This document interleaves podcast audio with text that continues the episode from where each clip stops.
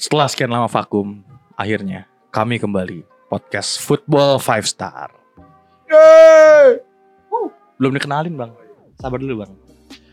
Nah jadi sekarang Liga 1 lagi tim-tim Liga 1 lagi bersiap untuk menghadapi musim 2020 dan eh, banyak tim juga yang udah mulai mendatangkan pemain baru serta mempertahankan sejumlah nama yang kira-kira bisa memberikan kontribusi maksimal di musim 2020. Nah, Ngantuk nih ngantuk. udah lo aja deh bang. lanjut lanjut. Nah, untuk eh sekarang ini kita lagi mau ngebahas soal bursa transfer Liga 1. Di sini ada gua Kenza yang ditemani oleh dua expert sepak bola Indonesia. Coba Bang, kenalin Bang. Steven. Indra Indra. Halo saya Reno. Oke, Bang Indra ini salah satu Hah? ini ya. Salah satu orang dalam klub. So asik lu. Ya udah, ya Bang, ya Bang. Klub mana? Belum kelar gua ngomongnya Oh, iya. tadi. Iya, salah satu orang dalam klub ibu kota. Enggak lah. Si buat cuma wartawan doang, Bang. Wartawan doang. Mm-mm. Jadi gimana nih, Bang? Apanya yang gimana? Iya, dari klub ibu kota ini ada apa? Ada apa-apanya? Ya ini, Oh. geliat ini bursa transfer. Ya, bursa transfer. Persija sih overall yang enggak sebenarnya nggak terlalu nggak terlalu aktif banget ya, nggak terlalu belum terlalu aktif banget karena emang kalau yang dilihat malah yang paling aktif ya Arema. Arema kan tujuh pemain lokal nggak salah. Terus eh, Borneo, Persija kalau di total baru empat pemain yang resmi ya. Lima juga belum dikenalin kan Marco Mota segala macam.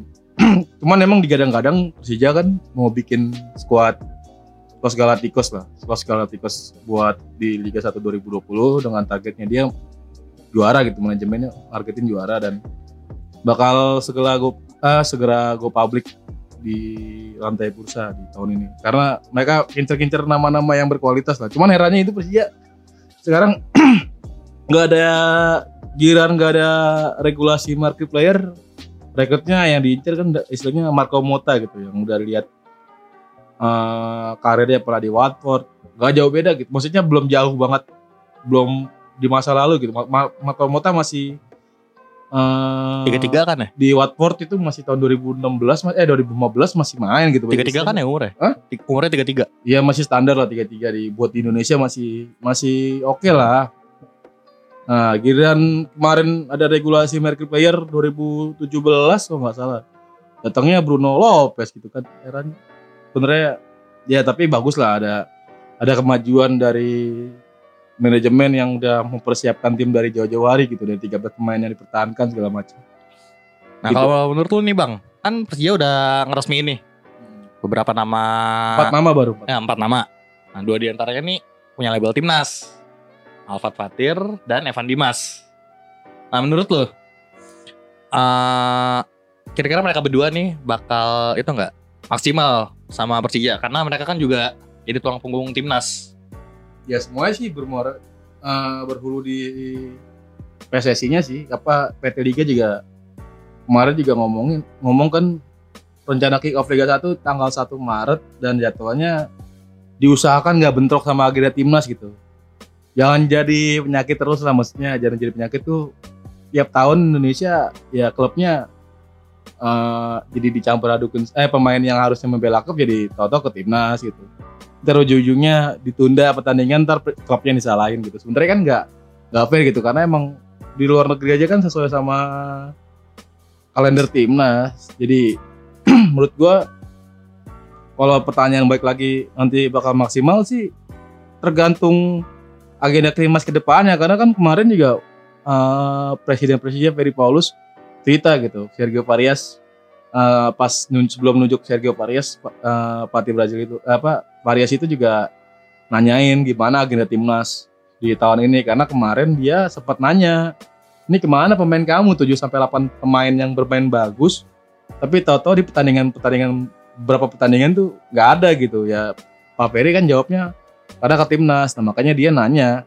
nanti sepanjang 2020 ini aku lihat timnas apa aja? Kan kayaknya gak terlalu banyak. Paling yang senior kan kualifikasi Piala Dunia nerusin yang apa tiga pertandingan lagi kalau nggak salah dan nanti ada Piala AFF di ujung tahun 2020 dan kayaknya udah selesai lah liga lah maksudnya nggak terlalu padat sepadat 2018 ada SEA Games segala macam kan. Gitu sih bang. Kalau tadi kita udah ngomongin Persija, sekarang geser ke apa ya? Rival abadinya. Nah, di sini nih Bang Reno nih, salah satu orang dalam juga nih. Jadi gimana nih Bang? Lihat Persib di Kalau- Liga- bursa transfer. kalau umumnya Persib sih ya emang apa musim juga baru baru beres belum lama lah baru satu bulan mungkin Persib juga ibaratnya ya masih santai-santai lah sekarang belum belum terlalu banyak kemarin juga baru ada dua pemain asing trial Si Wonder Luis sama Wonder Joel Luis Vinicius sama ya. Joel Vinicius itu, Itu juga mereka trial atau udah mereka trial fix? sih masih trial oke. mereka eh, bakalan diuji sampai nanti turnamen eh, Asia Challenge yang di Malaysia ya? di Malaysia ya Eh, kalau dari lihat dari perkembangannya sih kemarin eh, dua pemain itu nggak ada nggak ada kendala sih. Maksudnya dari kesehatannya bagus. Itu nggak tahu ya dari dari da- dari dalam bilangnya kesehatannya bagus. Karena waktu kasus Carton Cole aja mereka dalamnya bilang kesehatannya bagus taunya pas dipakai musim Carton Cole juga cuma bisa main berapa kali kan. Kan katanya apa kenal sama agennya kenal sama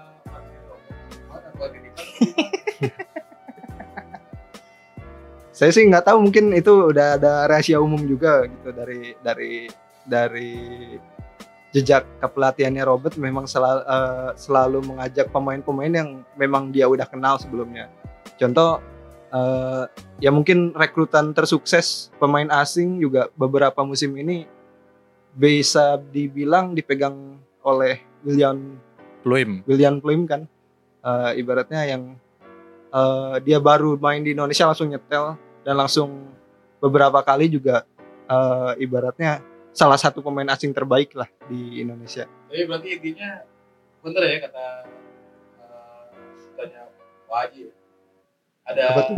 pelatih Ipan tadi nggak mana. Kalau itu sih kurang tahu sih saya ya. Mungkin kemarin juga apa yang dibilang sama beliau juga kan soal makan konate juga belum terbukti kan sampai hari ini. Sebenarnya itu posisinya apa sih dia di posisi dia di Persib apa sih? Seru Ya, nih, se- seru nih. Karena banyak banyak posisi di Persib gitu maksudnya banyak yang banyak kepentingan lah ya, banyak Persib. kepentingan. Iya, banyak kepentingan. Memang Persib itu klub yang sangat unik gitu. Banyak kepentingan, banyak mungkin karena dia merasa kehatian, maksudnya kehat kehatian gitu, memiliki Persib eh, akhirnya maksudnya.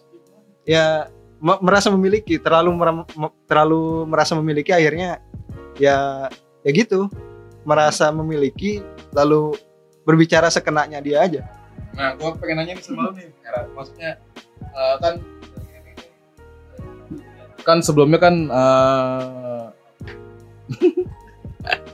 ribet ribet ya. Dia kan eh, menurut lu nih di antara dua orang ini Vinicius sama Wander Luis kan emang menurut lu pantas gak sih buat nge- eh, ngegantiin Ezekiel. seorang Ezekiel gitu yang sudah melegenda gitu. Jadi gini sih sebenarnya eh, mempertahankan atau melepas Ezekiel itu bisa jadi satu dilema ya sih. Soalnya Ezekiel itu kalau misalkan dia emang lagi bener, dia itu bisa jadi striker yang bener, jadi striker yang bagus. Tapi 15 pertandingan masa nggak bener? Eh 15 gol.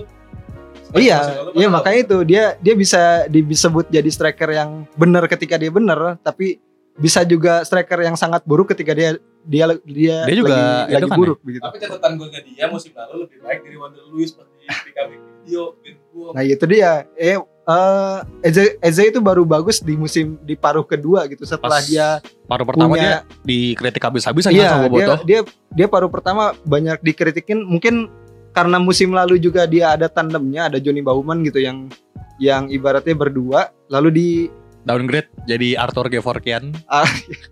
Arthur juga mungkin nggak nggak ada apa-apanya sekali Iya.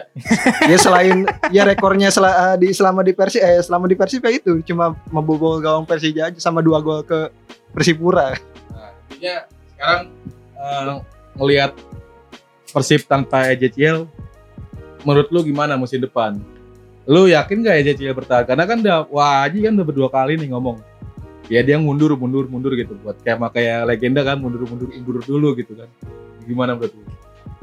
Kalau gue sih ngelihatnya belum belum ada bocoran sih maksudnya ya belum gimana kerangka tim versi musim depan itu baru dilihat nanti setelah Asia Challenge ini. Maksudnya kalau misalkan si Wander Luiz sama Joel Vinicius itu emang bener klop di turnamen nanti mungkin itu bisa sedikit mengobati tidak adanya Ezekiel gitu. Maksudnya uh, kalau saya sih pribadi masih pengen Ezekiel sih sebenarnya walaupun di apa dari attitude-nya juga kurang bagus gitu. Kurang Tapi, bagus gimana nih maksudnya nih? Ya itu attitude-nya dia emang kurang bagus maksudnya Robert Robert Albert saya baru kali-kali dia bilang maksudnya uh, menyinggung gitu uh, bahwa dia suka muji striker-striker orang yang bermain bagus tanpa dapat kartu gitu. Nah, oh itu, iya. Itu uh, ya ibaratnya kritik juga lah ke Ezekiel ya. Berkali-kali si Robert itu bilang begitu. Nah kalau misalkan seandainya aja Eze itu bermain di kayak tahun 2000, 2018 walaupun di akhir-akhir juga ada kasus juga sama rekan setimnya ya mungkin saya lebih memilih Eze itu tetap ada gitu. Tinggal cari tandemnya aja uh, kayak Johnny Bauman lagi gitu ibaratnya. Nah, anggaplah tapi menurut sendiri nih uh, kalau misalkan nanti Wander Luis direkrut seoptimis apa gitu sebagai wartawan dan pemuja Persib? Pemuja, pemuja. Siap. Sih, uh, saya sih bukan pemuja pemain, maksudnya ya ketika dia bagus, saya, pasti saya akan bilang bagus. Ketika dia buruk, pasti akan saya bilang buruk gitu. Nah makanya itu saya pengen lihat dulu gimana cara mainnya si Wonder Luis ini. Ya emang beberapa kali juga waktu di BKMX juga pernah lihat bagus juga sih mainnya. Tapi kan BKMX itu bukan Persib maksudnya bukan uh, Liga Vietnam juga bukan Liga Indonesia yang yang, yang banyak bedanya begitu. Belum tentu dia bagus di Vietnam, bagus di sini juga gitu. Kayak nanti aja lihat di Malaysia nanti gitu. Nah, lu ngomong lihat di Malaysia di mana di turnamen pramusimnya. Sebagai informasi nih ya, Simic dulu 2018 2018 pertama kali di Persija dia di Persija ikut buat Sports Peak inget gak?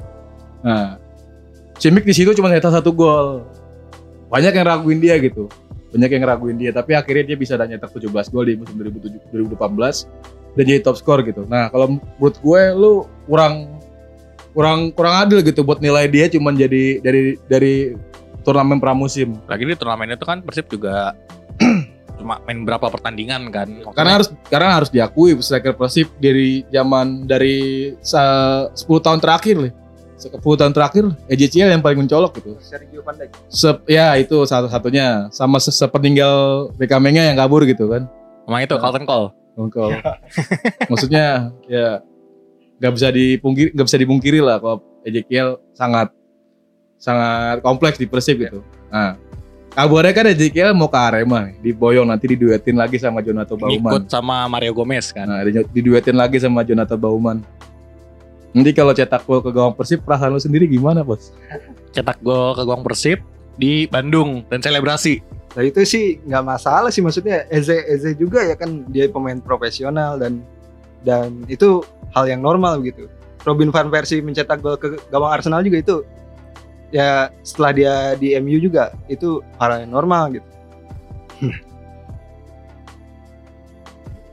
Nanti uh, gimana si Wander Luis atau si Joel Vinicius ini ya gua kira sih maksudnya gimana nanti aja penglihatannya Robert aja sih gimana nanti karena sesuai setipikalnya dia atau enggak tapi agak ragu juga soalnya Robert juga beberapa kali di PSM datengin striker gagal terus. Robert di PSM. Iya. Baru kayak Bruce JT zamannya ya sampai ke, ke junior ya. Ke junior nah. juga masuk uh, striker gagal lah ibaratnya. Nyinggung soal PSM nih. Kita tahu PSM sendiri sekarang menjadi salah satu tim yang cukup aktif kan di bursa transfer. Total udah ada sekitar 11 pemain yang diresmiin. Kalau menurut lu berdua nih, dengan modal pelatih baru, terus 11 pemain itu, kira-kira PSM bakal tampil menggebrak atau enggak di Liga 1 nanti? Bruno. Kalau gue sih lihatnya PSM itu harus cari dulu gimana sebenarnya ini PSM ini udah ada kerangka timnya maksudnya mereka juga pemain nggak terlalu banyak nggak terlalu banyak keluar gitu mas. Nah, Nah, ya, Pemain kunci emang kayak- banyak tapi nggak terlalu pemain kuncinya itu iya, tetap ada. kayak Pluim, Pluim, Klok. Juga Hmm. itu tetap ada gitu. Jadi mereka tuh ibaratnya tinggal cari cari puzzle-puzzle aja. Karena si puzzle utamanya PSM ini ada di Klok sama Pluim gitu. Dan tinggal tinggal kompakin aja si Klok sama Pluim ini cocok nggak sama yang di depan. PSM nih kalau dari musim lalu kan masalahnya itu ya di striker. Pada pertama coba Markanen gagal. Di paruh kedua Amido Balde juga angin-anginan. Hmm. Sekarang nih Giancarlo Rodriguez. Kalau menurut kalian nih gimana nih? Apakah bisa jadi apa ya? Simik punya eh kayak, kayak simiknya PSM atau bakal jadi yang kayak sebelum-sebelumnya? Kalau gue sih belum terlalu optimis karena kalau bicara secara keseluruhan ya PSM sebenarnya musim depan bisa lah jadiin salah satu kandidat juara karena emang dari era Liga 1 posisi finish mereka selalu di atas gitu. Kemarin Kecuali doa tadi. kemarin ya gitu kan. Kemarin karena emang ya mungkin fokus mereka kebagi gitu. Salah satu per PSM Fokusnya musim ke Bali. kebagi gitu. Oh. Nah, kebagi karena karena dia belaga di AFC Cup juga apa karena Bang udah gagal terus akhirnya jadi demotivasi gitu di Liga 1 jadi kecampur gitu. Kayak Persija musim lalu juara sekarang tambah hancur gitu. Nah, sekarang bicara soal striker bukan masalah strikernya yang tadi sebenarnya ya gitu. Yang Reno bilang gimana William Pluim di tengah aja, gimana dia nyuplai-nyuplai bola segala macem. Nah, striker kan nggak bisa sendirian, apalagi Ya, dia tapi ini musim perdananya dia gitu di di Liga 1. Simic pun musim perdananya ya awal-awal kan cetak gol juga belum terlalu karena awal apa terakhir-terakhir pas dia ada nemuin nemuin chemistry ritme chemistry, chemistry sama Rico Simanjuntak dan Ramdan Lestaluhu baru dia nyetel. Nah, sekarang ya PR-nya pelatih PSM apalagi kan punya nama besar Bojan Odak. Ya gimana caranya untuk maduin tim gitu. Karena PSM udah punya kerangka yang bagus gitu udah udah nggak terlalu banyak bongkar pasang lah nggak usah terlalu banyak bongkar pasang apalagi meskipun kehilangan M. Rahmat yang salah satu pilarnya dia kan dia datangin beberapa pemain kunci gitu. Menurut gue sih ya PSM bisa lah masuk musim depan masuk tiga besar atau empat besar lah buat buat ikut berjuang buat nyari juara Liga 1 gitu. Gitu ya bang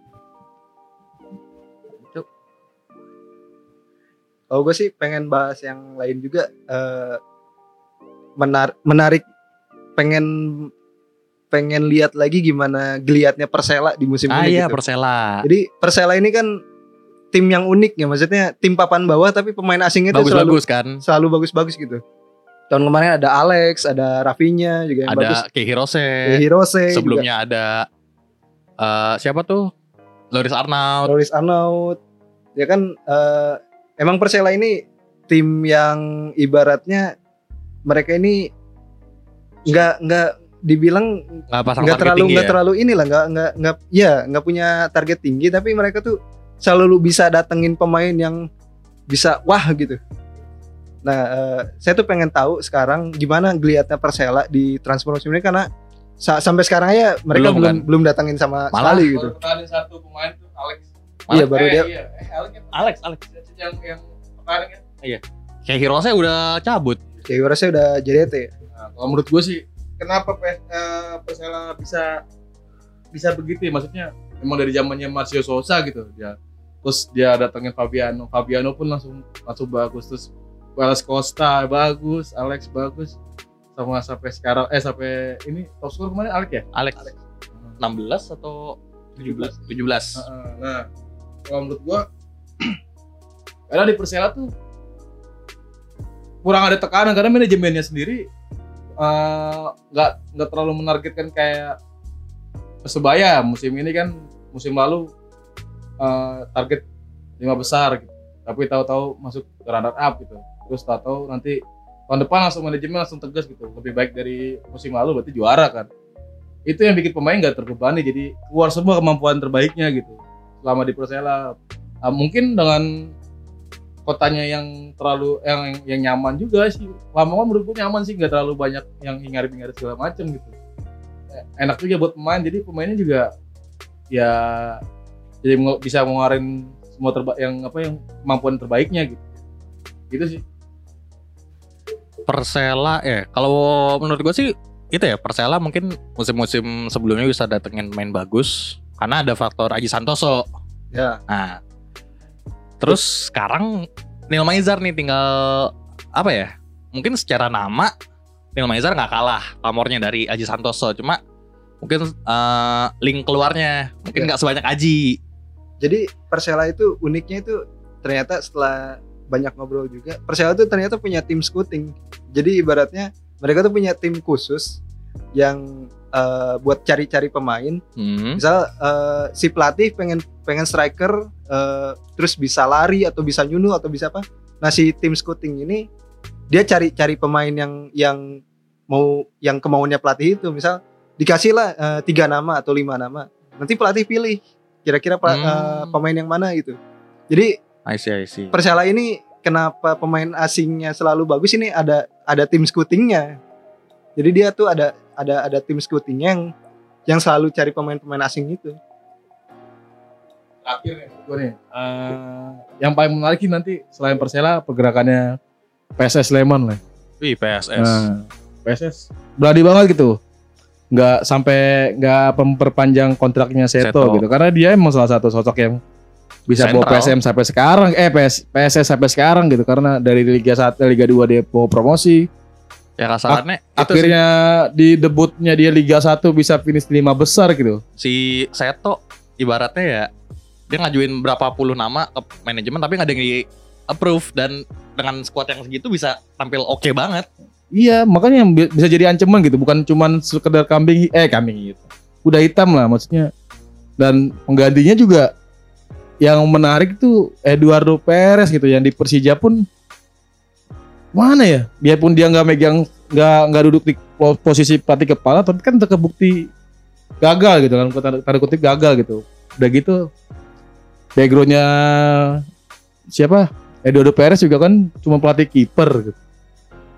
Kayak gitu PSS juga main kuncinya banyak yang hilang juga kan. Iya, herannya Mod- Modelan Dev Masten terus si Brian Ferreira, Kusedia. iya, Kusedia Ah, tuh Neymar dari Sleman. Nah itu makanya nggak tahu apa yang ada di pikirannya manajemen PSS sih gue ya. Maksudnya PSS buat gue musim ini nggak tahu nga- ngelakuin blunder atau nggak tahu apa nunjuk eh ngelepas awan saya eh ngelepas awan saya Seto Nu- eh ngelepas Seto Nurdiantaro nunjuk Eduardo Perez melepas beberapa pemain gitu apa manajemennya kurang cepat gitu buat mempertahankan pemain gitu atau gimana nah kita menariknya nanti gimana nanti di akhir musim dia finish di posisi berapa gitu apakah Eduardo Perez bisa bertahan sampai akhir musim feeling gue sih Feeling gue ya itu abis pilih presiden mungkin kalau jelek eh itu makanya iya, jadi kayak Eljan Radovic. Mm-mm.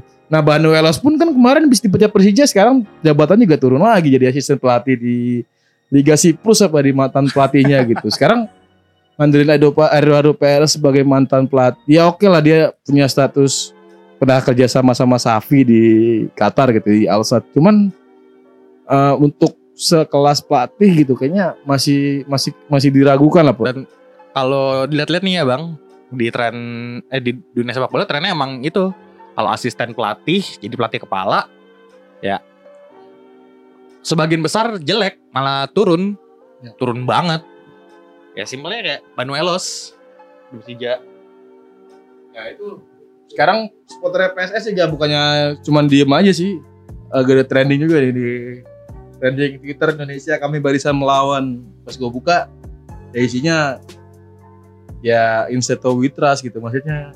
Ya kurang bagus apa sih Seto makanya sampai akhirnya kemarin gue baca sempet baca sih di salah satu postingan di Twitter dia ngomong emang sebelumnya belum nggak boleh ngomong ke siapa-siapa ke media gitu soal masa depannya di PSS tapi akhirnya diem diem diem gak diperpanjang kontraknya ya PSS tunjuk Eduardo Perez. Eduardo Perez. Maksudnya aduh Nah, itu gimana ya? di- sayang juga. Bulan Desember kemarin si Seto juga pernah ngomong kan. Dia ngasih list main lagi nggak ada yang di approve lagi dia kesel bilangnya Ya udahlah biar manajemen aja yang latih tim. Karena saking parahnya mungkin. Nggak tahu deh Eh, gua nggak tahu kondisinya PSS gimana cuman di dalamnya cuman ya itu yang gua sesalin tadi mungkin Hah? mungkin ya soal cabutnya Seto aja sih itu yang bikin menarik apa yang bakal terjadi di PSS di Liga 1 Apalagi 2020 kalau bisa apa Seto balik ke PSM ya. kabarnya sih ke PSM lagi kan PSM terus naik li- Liga 1 Derby Mataram. Eh, Oke tadi kita udah sempat ngomongin Persija, Persib, PSM, Persela dan terakhir ada PSS. Di edisi selanjutnya kita bakal ngomongin tim-tim lainnya seperti Arema, Persebaya. Tiga tim baru. Nah tiga tim baru promosi juga tuh yang oke banget. Dua di antaranya, satu lagi masih dim-dim aja. karena menarik sih pergerakan promosinya juga menarik tim-tim promosinya menarik cuman mungkin persik persik doang yang masih pasif gitu Hmm. kita bahas selanjutnya aja kali bang ya Iya selanjutnya aja. kebanyakan kali nih Iya. Oke, sekian aja dari gua Kenza. gue Indra Gua Reno. Sampai jumpa di edisi selanjutnya. Ciao.